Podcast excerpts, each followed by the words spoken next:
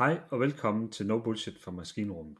En podcast med fokus på at omsætte buzzwords fra teori til praktik. Mit navn er Søren, og med mig i studiet har jeg Rasmus, og vi udgør til sammen Building Better Software. Og Rasmus, sidste gang, der snakkede vi lidt om øh, servant leadership, og dykkede lidt ned i, hvad betyder det egentlig i praksis. Men hvad er der sket i din, øh, din uge siden sidst, inden vi lige springer ned i det næste emne?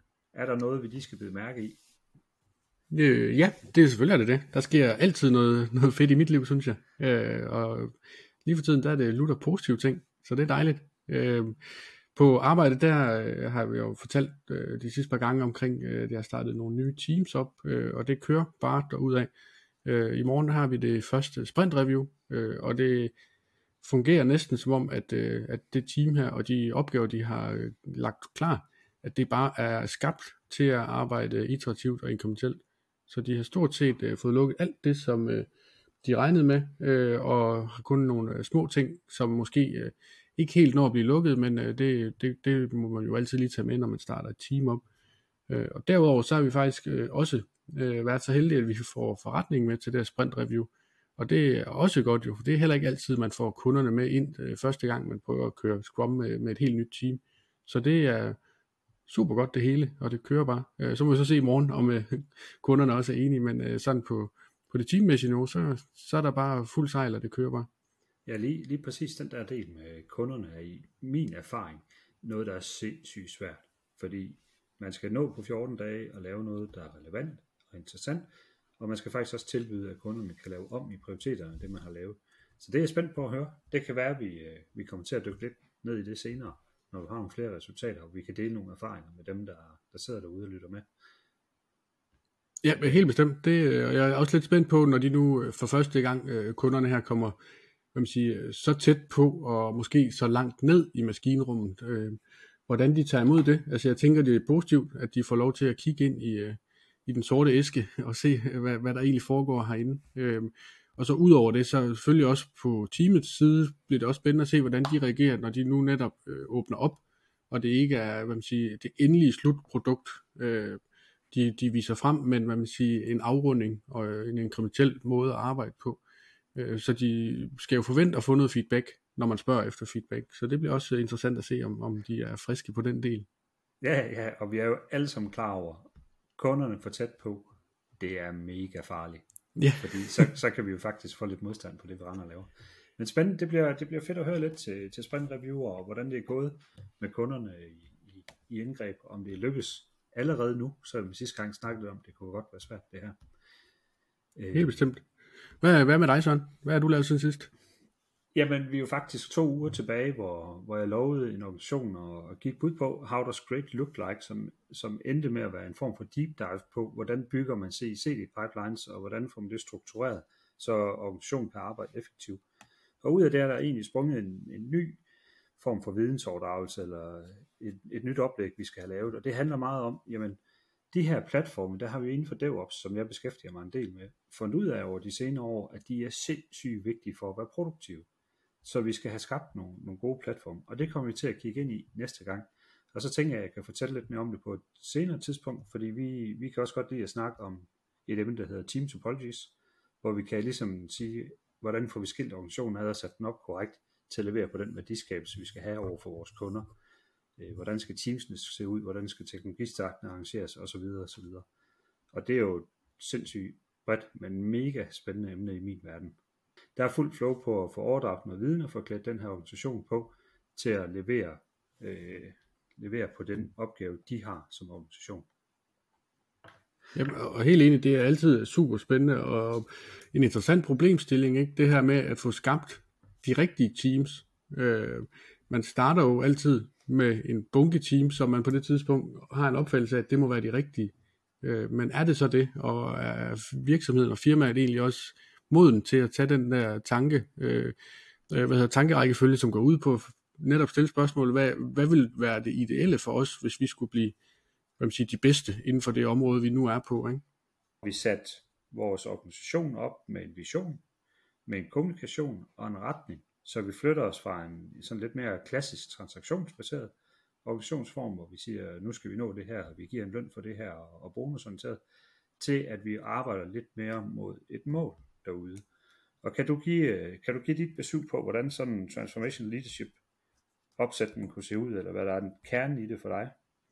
Ja, jamen, øh, øh, da vi aftalte det her emne, der sad jeg lige og reflekterede, hvad synes jeg egentlig?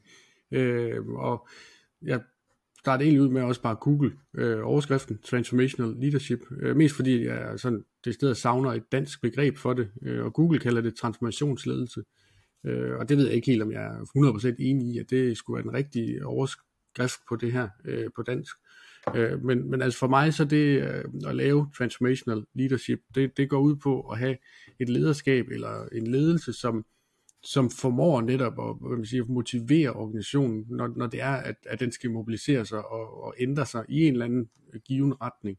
Øh, og sørge for, at man, man måske har nogle ledere, som, som er i stand til at, at, at gå forrest på de punkter, hvor det giver mening, de går forrest, og udover det så sørge for at få kommunikeret og involveret sine medarbejdere i at få skabt en vision og, og nogle mål og sådan noget sådan, så man ligesom ved, jamen hvad er det? Øh, for det første som medarbejder, hvad går det ud på for mig, hvad, hvad skal jeg lave anderledes, eller hvordan kan jeg bidrage positivt ind i det her, øh, men, men altså, specielt også som, som leder, ikke, altså sørge for at få sat nogle rammer og, og, og de her sådan, vilkår og visioner og sådan noget, øh, lidt ligesom vi talte om i, i den sidste podcast omkring øh, vores lederskab, at der, der er det meget det, det går ud på, øh, og når vi så snakker transformational leadership, jamen så har vi jo selvfølgelig nogle, nogle forholdsvis håndgribelige praktikker, hvor man kan sige, jamen hvis du, hvis du gør det her, så sker der det her i din organisation. Øh, og ligesom med alle mulige andre praktikker, så kan de jo bruges i positiv og negativ retning, ikke? Men, men lad os komme ind på det lidt senere. Men øh, altså, der er i hvert fald nogle praktikker, der kan støtte op om det at, at komme over at være en mere en transformational, transformational leader. Det er et lidt uh, svært ord for en jyde ja, som mig. ja, ja, men det er jo derfor, vi prøver på at tage livet af de her buzzwords, så det som gør dem håndgribeligt, kan man ja. sige. Øhm, der er jo der er noget sindssygt vigtigt i, i den dialog, og det du forklarer her, synes jeg, og det er, at vi skal forsøge at motivere vores medarbejdere. Og motivation er jo faktisk en forholdsvis svær ting. Det har det i hvert fald været øh, for mig som ledelse, fordi øh, medarbejdere de reagerer jo anderledes på budskaber og ser tingene anderledes end en selv. Men hvis du kunne tage nogle, øh, kunne tage nogle eksempler på, hvad er motiverende for dig, og hvad, hvad er demotiverende for dig? Og jeg kan jo selvfølgelig også øh, stille lidt på kant og så sige, jamen vi skal bare lave den her dims, fordi så bliver markedet glade.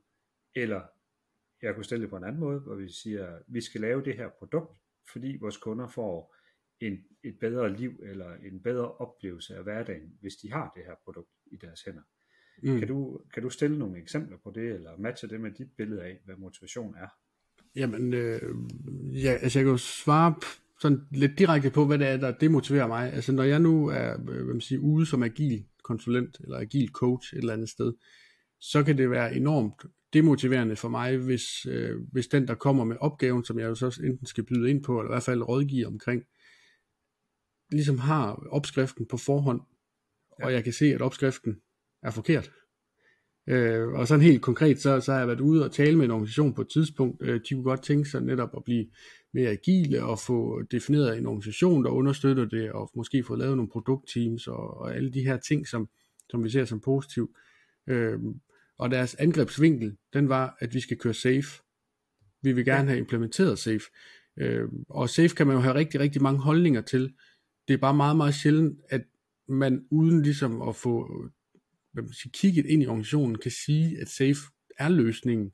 Det samme gælder alle mulige andre rammeværk. Der, man kan ikke uden ligesom at komme ind og finde ud af, øh, hvad er det, der skal, hvad, hvad er det, der er udfordringen her, øh, og, og så tage en diskussion omkring, jamen, hvad kunne så være løsningen, og så er det godt ske safe, øh, altså det her Scaled Agile Framework, at, at det er den rigtige måde at, at takle den opgave. Det kan også lige så godt være den måde, som hvis man kører det på hårdt, så smadrer det alt, og, og, og man får skabt, hvad man siger, et uh, transformational leadership omkring noget, som er forkert, og så får man jo netop ødelagt hele øh, fundamentet for det, man gerne vil opnå med det her. Uh, så, ja. så for mig så demotiverer det det der, hvis, hvis opgaven bliver beskrevet for firkantet upfront af nogen, som tydeligvis ikke rigtig ved, hvad det er, de er ved at købe. Altså de hører jo sådan en som mig ind, fordi at jeg er en ekspert på et område, de måske mangler eksperter på. Ikke? og så sidder der måske nogle indkøbere eller ledere, som bare har, øh, lad os sige, de har googlet eller været på et øh, fyraftens øh, gå hjem møde og, og hørt om det her safe, og synes, det lyder bare rigtig godt. Øh, DSB har gjort det, det er dejligt. Øh, det skal vi da også kunne i vores organisation.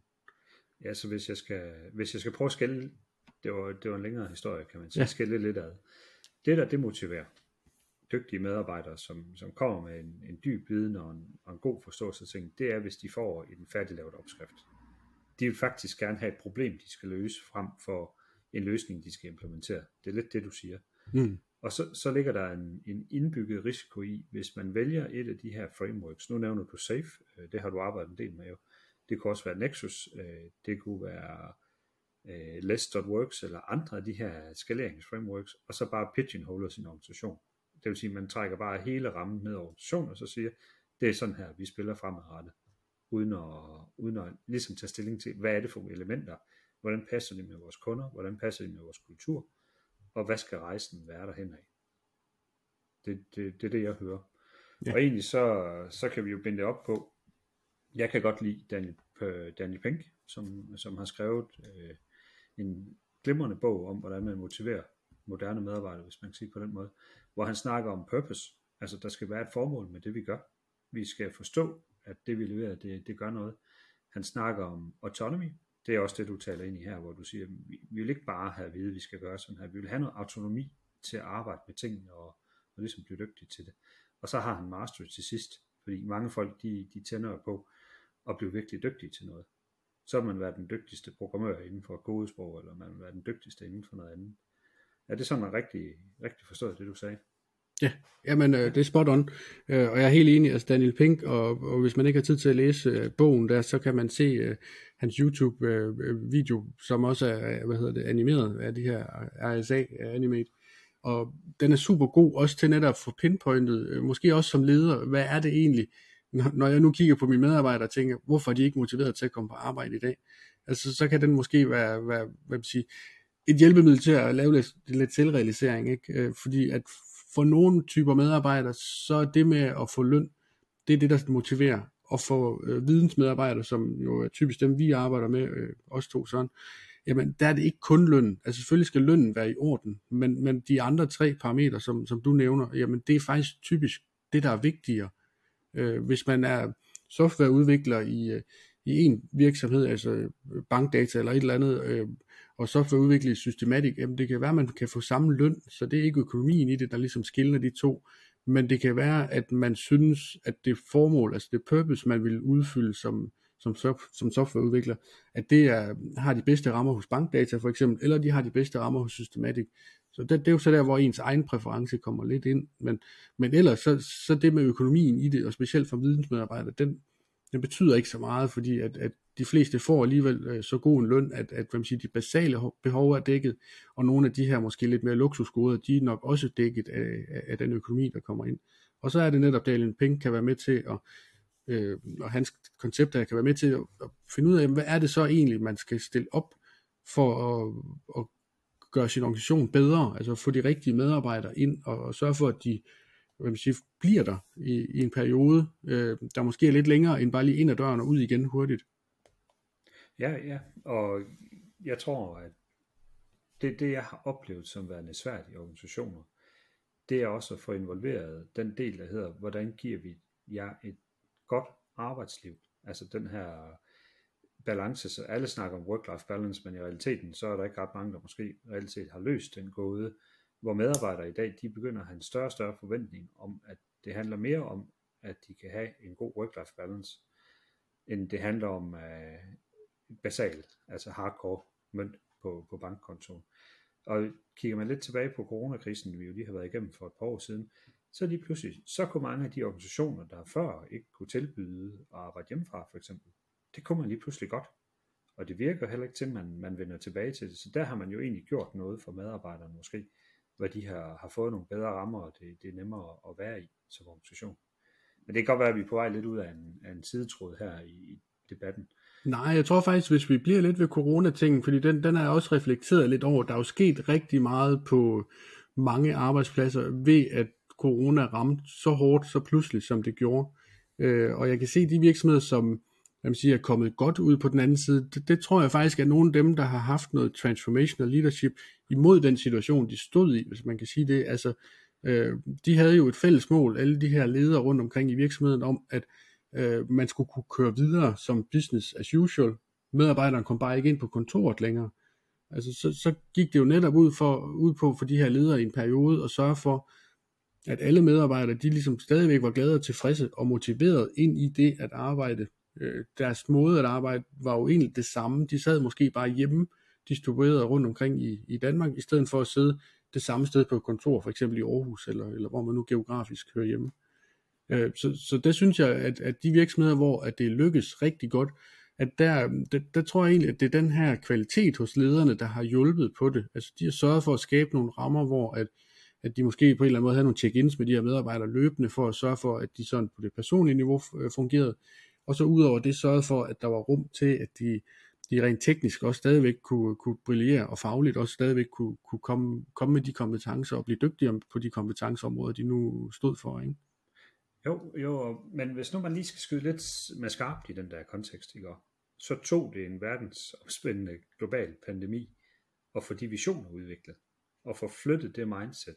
Så mit spørgsmål er jo, fordi det handler transformational leadership jo også i høj grad om, det er at have en vision om, hvor skal vi hen, hvordan er det, vi skal gøre ting, og ikke kun på, på produktet for kunderne, men for hele organisationen.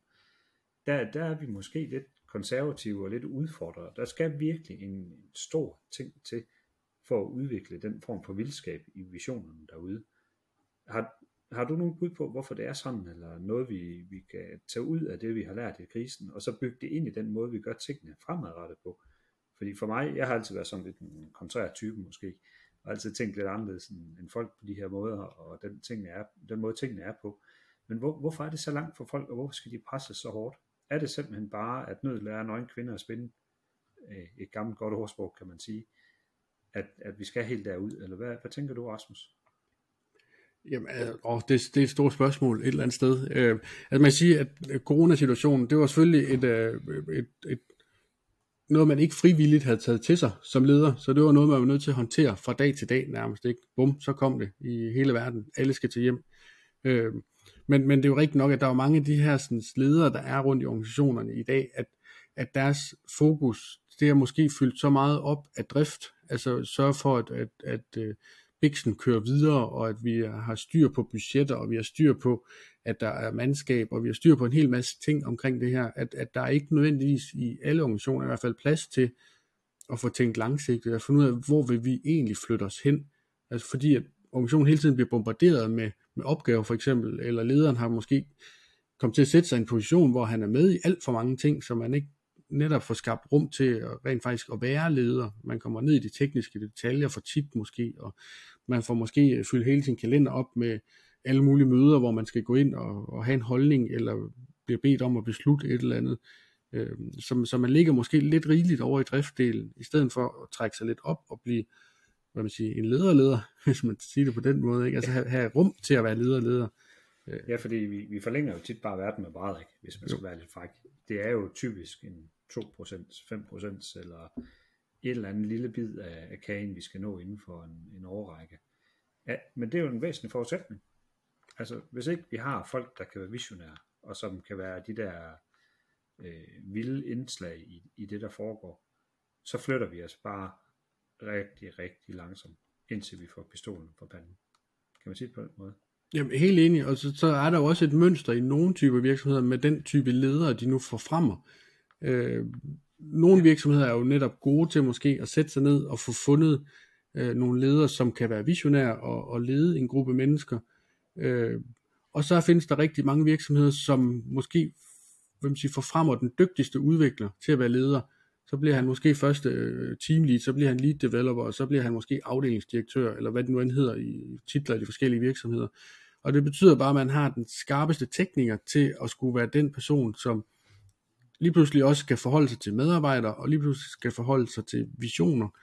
Og så er der jo bare nogle ting, der kommer til at blive lidt perifært for vedkommende i forhold til de kompetencer, han måske har, og han skal til at tilegne sig noget ny viden, og nogle nye kompetencer, og det er ikke sikkert, hvis vi skal vende tilbage til Daniel Pink, at det er det mastery område, som han har lyst til at, at gøre sig dygtigere til. Det kunne være, at den person egentlig hellere skulle have været øh, den skarpeste tekniker og blive ved med at være det. Ja. Og så man måske skulle finde en, en lidt mere visionær type, som kunne sætte rammerne op for det. Øh, fordi det, det, det er jo et eller andet sted det, der er vigtigt, og specielt når vi gerne vil tale øh, det her transformational leadership. Øh, du skrev på et tidspunkt en, en blogpost inde på, på vores hjemmeside, hvor, hvor der er ligesom fem punkter i den, og det, det er jeg fuldstændig enig i, altså hvor man siger, at når vi skal til i gang med det her, så, så er vi nødt til ligesom at lave en drejebog for, hvad, hvad er det, vi skal gøre. Øh, og hvis jeg må lov til at læse de der fem punkter op fra din blogpost, så kan du altid supplere bagefter. Øh, men altså det første, man, man bør gøre i det her, ikke, det er jo netop at, at have en drøm, altså at finde ud af, hvad man siger, den der lange vision for, hvad er det, vi gerne vil opnå med det her. Øh, og, og den lange vision, den er jo ikke, vi skal overleve i morgen, fordi det er jo en meget kortsigtet vision, så, så derfor så er man nødt til at, og tænke, jamen hvor skal vi hen med den organisation, hvad er det for en type organisation, vi gerne vil være, og måske også hvilke produkter er det, vi gerne vil udbyde, og hvilke kunder er det, vi vil supportere, og hvordan vi gør det. Ja, og der, der skal vi jo jeg kan jo godt lige en gang imellem lige at sparke lidt sarkastisk til bolden. Der skal vi huske, at det vi definerer, det skal være smart. Det skal være specific, measurable, achievable, realistic og timely. Og der er jeg nok bare nødt til at sige, jeg ser simpelthen for mange organisationer, hvor der går for, meget, for mange smarte folk i det, hvis man kan sige det på den måde, hvor man ikke øh, bare slipper fantasien løs og, og udfordrer det der. Fordi ellers så bliver visionen jo bare ganske indesigende og kedelig i min verden. Jeg er helt enig, og, og nogle gange, når man kigger på de der visioner, som afdelingen kommer ud med, øh, hvis vi tager det på det niveau, så bliver de hurtigt sådan noget, vi vil være den foretrukne leverandør af løsninger til vores kunde. Og det er ja. også fint nok. Kunden kan bare ikke vælge andre. I det eneste, der findes i organisationen, der kan levere til dem. Så sådan et mål, det, det, er, jo ikke en, det er jo ikke en vision. Det er jo allerede en indtruffen virkelighed. Ja, det, præcis. Det duer jo ikke vel. Øh, dem, dem, ser vi, dem ser vi altså en, en hel del af, kan man sige. Det gør vi. Og, og, og det, det, er jo, jeg sige, det er jo et eller andet, på et eller andet plan jo øh, noget visionært. Det er bare meget øh, lavpraktisk, og, og det er måske også, øh, det her, nu sagde du, forlænge verden i brædder, ikke? det er jo også det. Altså, det betyder bare, at vi vil forbedre vores samarbejde med den ene kunde, som vi har internt i organisationen, som forresten ikke kan vælge andre end os alligevel. Nej, og, og hvad, hvad, altså for mig som, som medarbejdere, og når jeg har været mellemleder osv., så, så gør det absolut intet for mig. Nej. Det siger ingenting om, hvad det er, vi skal, og hvorfor vi skal det øh, i organisationen. Nå, du havde fem punkter, du løb igennem. Jeg tror, ja, skal, jamen øh, lad os bare hoppe ned i det næste, og det er, det er hvad man siger, overveje de værdier, som så skal supportere det her. Ikke? Så, så når vi nu har fundet ud af, jamen, hvad er det for en, en lidt langsigtet drøm, som vi gerne vil skyde hen imod, jamen hvad er det så for nogle værdier, der ligesom skal til, hos os i organisationen? Altså, vil vi være, hvad man siger, transparente 100% over for vores kunde, eller vil vi være, øh, hvad man siger, have, have høj forudsigelighed, altså predictability, eller et eller andet. Sådan, der, der er mange parametre, man begynder at arbejde med der. Og der, der er det jo også vigtigt, fordi det er allerede her, vi er ved at prøve at hvad man siger, øh, forme den organisation, der skal være, men egentlig også forme den måde, de skal arbejde på. Så, så hvis man rammer nogle værdier omkring transparens, jamen så skal man selvfølgelig stille nogle værktøjer til rådighed for det, men man skal også samtidig være klar over, hvad betyder det, når vi åbner op. Altså det betyder jo netop, som min indledende snak omkring det her time at trække kunderne ind til sig, jamen det betyder jo også, at lige pludselig så kan kunderne måske også se ned i maskinrummet, at øh, lad os sige, at Søren han har brugt syv timer på at sidde og nuller med et eller andet, og så skal man bare være klar over, at, at for det første så er det måske sundt, de ser det, men de kan jo også tillade sig at stille spørgsmål til det. Altså, hvorfor har Søren brugt syv timer på det? Vi skal slet ikke bruge det. Ja, det, det er jo aldrig rart at blive gået lidt i, i bedene, kan man sige, på, på tingene et eller andet sted. Men jeg tror, vi to, vi er i hvert fald ret fokuseret på de, de øh, værdier, der ligger i det agile framework. Det er jo faktisk udgangspunktet for meget af det, vi, vi tager fat i, når vi er ude i organisationer. Altså, vi vil hellere have et produkt, der virker, end vi vil have fuld ud dokumentation og beskrivelse. Vi vil hellere have interaktion mellem mennesker, end vi vil have processer og værktøjer osv. osv. Der er jo en hel masse i det rammeværk. Men det, det er man så nødt til også at være i stand til at kommunikere. Og der ser jeg i, i flere organisationer, at det dribler lynhurtigt tilbage til det, vi plejer at gøre. Vi plejer at følge op, vi plejer at have regneark og alt det her. Og det er faktisk en ret svær øvelse for organisationen at, at konvertere de her ting. Og hvis man overvejer, at det, det tager cirka et halvt år til ni måneder at få en vane med at løbe en 5 km, eller hvad man løber af, af tur, så kan det her faktisk tage rigtig lang tid. Og derfor så skal visionen også bare være lidt længere ude, og lidt mere aftrære, end, end man måske vil gøre normalt. for at, at presse citronen på den kant. Øh, og så det tredje punkt, øh, det hedder Great Strategies for the Future. Altså, hvordan, hvordan eksekverer vi det her? Hvad, hvad fisteren gør vi egentlig, når vi har vores værdier og vores drøm? Hvordan får vi så sat os op derudaf? Har du noget yderligere til den, eller skal vi springe til den næste? Nej, nej, jo, nej. Det ved jeg ikke. Jo, altså man kan altid supplere, ikke? Fordi det er jo vigtigt, at nu, nu har vi jo snakket lidt, det, det bliver hurtigt også, når vi øh, øh, også netop ser de her visioner, og, og vi så bagefter snakker værdier. Øh, og det har jeg også prøvet nogle gange, når jeg har været ude og skulle facilitere det. Altså, hvis man stopper der, så er det meget, meget svært også at få, få medarbejdere med ombord på den her rejse, og så er det måske svært som, som en, øh, en, en, en leder at lave transformationsledelse, altså lede det at komme fra, fra hvor man er i dag, og så over i noget nyt. Hvis det er, at man ikke netop har en, en strategi for, jamen hvad er det, vi gør? Altså, ja. hvis vi siger, at vi gerne vil være transparente som en af vores øh, værdier, hvordan gør vi det? Altså, hvad betyder det rent faktisk at være transparent? Ja, lige præcis. Øh, Jamen, ja, og, og jeg har typisk uh, brugt, altså jeg kan godt lide at drille tingene helt ned til noget, teams skal eksekvere på deres backlogs. Så jeg har typisk sådan helt praktisk brugt, når vi skal skabe vores vision, så sætter vi os ned, og så laver vi sådan en tænk baglænsøvelse. Det, kan, det hedder for eksempel øh, Write a Letter from the Future. Skriv et brev, hvor man ligesom sidder et år eller to ude i fremtiden, og så tænk baglæns. Hvad var det, vi gjorde? Hvad var det for nogle succeser, vi havde? Hvad var det for nogle ting, vi undgik i det arbejde, vi havde? og så konvertere det til nogle emner, nogle fokusområder, som du kan gå ud og så sige til organisationen, ved I hvad, vi leverer det her produkt, og vi gør de her ting, og for at vi kan gøre det endnu bedre, og, og have noget, noget purpose og noget, noget, noget, hvad kan man kalde det, noget mastery i det her, så kommunikere, hvad er det, vi vil helt konkret med det her fokusområde. Hvad ønsker vi at opnå som organisation, så vi kan inspirere vores medarbejdere? Fordi det ligger så dybt i, i transformation leadership, og hvis ikke du kan fortælle din organisation, hvad det er, du vil, hvor du vil hen, ikke hvordan du skal komme derhen, og hvad de skal gøre, men hvad du gerne vil. Så bliver det rigtig svært, det her.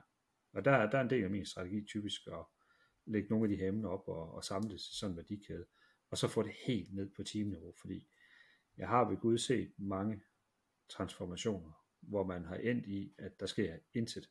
Hovedet vender den ene vej, og benene løber den samme vej, som de har gjort derfra. Det ved jeg ikke, om du kan supplere lidt på. Jo, jo men, øh, og jeg er fuldstændig enig i, i det. Ikke? Øh, sådan, I indledningen nævnte vi også, at vi kunne komme med nogle praktikker, øh, og der kan der komme en enkelt praktik her på noget, jeg har gjort øh, hos en organisation. Og det er netop, når vi begynder at snakke om agilitet og, og det agile manifest, som du også nævnte lidt tidligere, sådan, øh, så har jeg faktisk haft stor succes med at sige, jamen, vi vil gerne i den her organisation øh, efterleve det agile manifest, men og så kommer resten af sætningen, som er, vi bliver også nødt til i vores kontekst, for eksempel på hele virksomhedsniveau, men også på afdelingsniveau og på teamniveau, nødt til at decifrere, jamen når der nu står, at man hellere hvad man siger, vil tale sammen, end at lave kontrakter, jamen hvad betyder det så for vores virksomhed? Mm. Øh, og når man så tager virksomhedens øh, agile manifest, som det så bliver, så ned på afdelingsniveau, når vi snakker med vores øh, kunder og vores produkter, øh, jamen hvad betyder den virksomhedsagile manifest så for os? Altså er der noget strategisk eller helt håndgribeligt, vi skal gøre anderledes eller tænke anderledes? Og så igen niveauet ned, som du siger, helt ned til, til teamets backlog. Jamen, når vi har en afdelingsspecifik agil manifest, jamen, hvad betyder det så, når vi så skal oversætte det til mit team, som måske, måske sidder helt hardcore og udvikler et eller andet øh, kobold på mainframe, jamen så bliver vi nødt til at finde ud af, hvad betyder det så, når der står, øh, det her omkring det at arbejde tættere sammen med vores kunder, og, og, og ikke skrive så meget dokumentation, og hvad for nogle parametre, man nu end har ramt ind i, jamen så, så er der nogle ting, som vi godt kunne tænke os at gøre, så vi kan se, det indfrier øh, vores afdelings øh, agile manifest, som så indfrier øh, virksomhedens overordnede agile manifest. Og, og det synes jeg, det, det giver super god mening at gøre, fordi nogle gange, og specielt når jeg har været ude og undervise i, i Scrum, og vi tager det her agile manifest frem, altså det bliver stadigvæk sådan lidt, øh, lidt flyvsk, og, og det er lidt nemt komme omkring det, og det skal det måske også være, når det er en teoretisk session, men når vi så kommer ud i den virkelige verden, så kan det måske være svært at se sig selv ind i det, så derfor, når vi laver de her transformationer, jamen så, så er det vigtigt netop at lægge en strategi for, hvordan implementerer vi for eksempel det agile manifest, og det kan man jo så gøre ved at man siger, taler dem hele vejen ned igennem organisationen og sige, når vi så skriver noget om dokumentation ikke er så vigtig, jamen hvad betyder det så helt konkret? Betyder det, at vi aldrig vil lave dokumentation? Det gør det nok ikke. Men hvad betyder det så i stedet for? Ja, men helt enig, og en, en af de ting, som jeg typisk har stødt i, når jeg, når jeg har været leder i organisationer, det er, at vi sidder øh, måske på forskellige lokationer, eller vi sidder i forskellige organisationsben, som har nogle, nogle lidt forskellige artede øh, retninger, som vi arbejder i. Man kan typisk jo sådan noget corporate IT frem, hvis man vil have en, som folk kan genkende derude. Ikke? Og den største øvelse for mig har sådan set typisk været at tage mine medarbejdere eller mig selv, og så gå over og vise, hvad betyder det egentlig at ville samarbejde frem for processer og, værktøjer. Øh, der, der var en virksomhed, hvor jeg kom ind i, i en markedsføringsafdeling, hvor vi i en periode havde haft et samarbejde med vores corporate IT-afdeling, der var man ved at skrive en kontrakt om, hvordan man skulle samarbejde. Lige præcis det modsatte. Og mit svar på det, sådan helt lavpraktisk, det var, i stort set et halvt år, der sad jeg to ud af fem dage i den afdeling, vi skulle have et samarbejde med. Fordi så kunne jeg vise, hvad det egentlig var, jeg mente med at have, have mennesker og interaktion foran processer og værktøjer. Og lige pludselig så var alle vores øh, problemer væk. Fordi folk de havde vendt sig til, jamen så ringer jeg da bare lige, eller så fikser vi bare lige. Og det, det er sådan nogle ting, som, øh, som jeg håber folk kan tage med for de her podcast en gang imellem, at vi skal sådan set bare væk fra alt det der bullshit bingo, og så ned og gøre tingene i praksis, selvom det kan være hjernedød svært. Nå, når så man har sådan en, øh, en drøm, en vision, det lyder sådan lidt sjovt måske, så, så skal man jo have det ud i organisationen. Og der skal vi have en kommunikationsplan på plads. Øh, det kan være alle mulige former for kommunikation i, i organisationen. Det kan være øh, town hall møder, hvis man har sådan nogle. Det kan være mails, det kan være Altså den sjoveste case, jeg kender, det er for eksempel testing in the toilet fra Google af, hvor man begynder at hænge testcases op på, på toiletterne og så videre. Øh, og så skal vi have noget commitment. Men hvad betyder commitment egentlig i den her kontekst?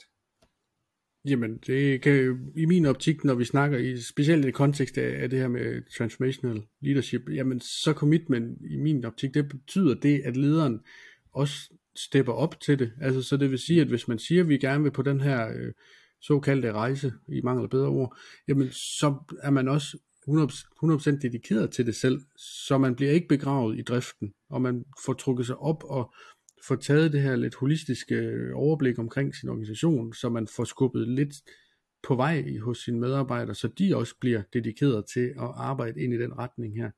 Øh, det er jo ikke nok, hvis vi tager det her agile manifest øh, øvelse, som jeg, jeg talte om før, så er det jo ikke nok, at det er en uh, to-dages workshop, og så har alle teams og afdelinger og virksomheder, de har skrevet sådan en, og så går man hjem igen, og så som du også sagde før, så, jamen, så bliver hverdagen bare hurtigt det samme igen, og så skete der ikke en ændring.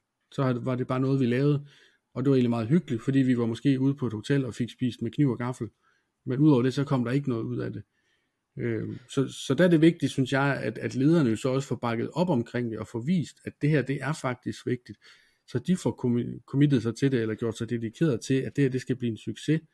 Og, og måske også, jeg vil sige, som opfølging for kommunikationsplanen, altså få fundet ud af, når der nu er nogen, der har en holdning, måske negativ til det, vi er blevet enige om, jamen hvordan får vi så taget, taget det input, hvad man siger, ikke bare ad notam, men får taget det ind og fået evalueret og få fundet ud af, jamen er der egentlig hold i det, der kommer af input, for eksempel fra et team, der har øh, svært ved måske at overholde det her sådan, team agile manifest, de har lavet, jamen hvad gør vi ved det? Hvordan hjælper vi dem enten til at få lavet det om, eller til at måske at komme hen i en situation, hvor de kan overleve det, øh, indfri det, ikke?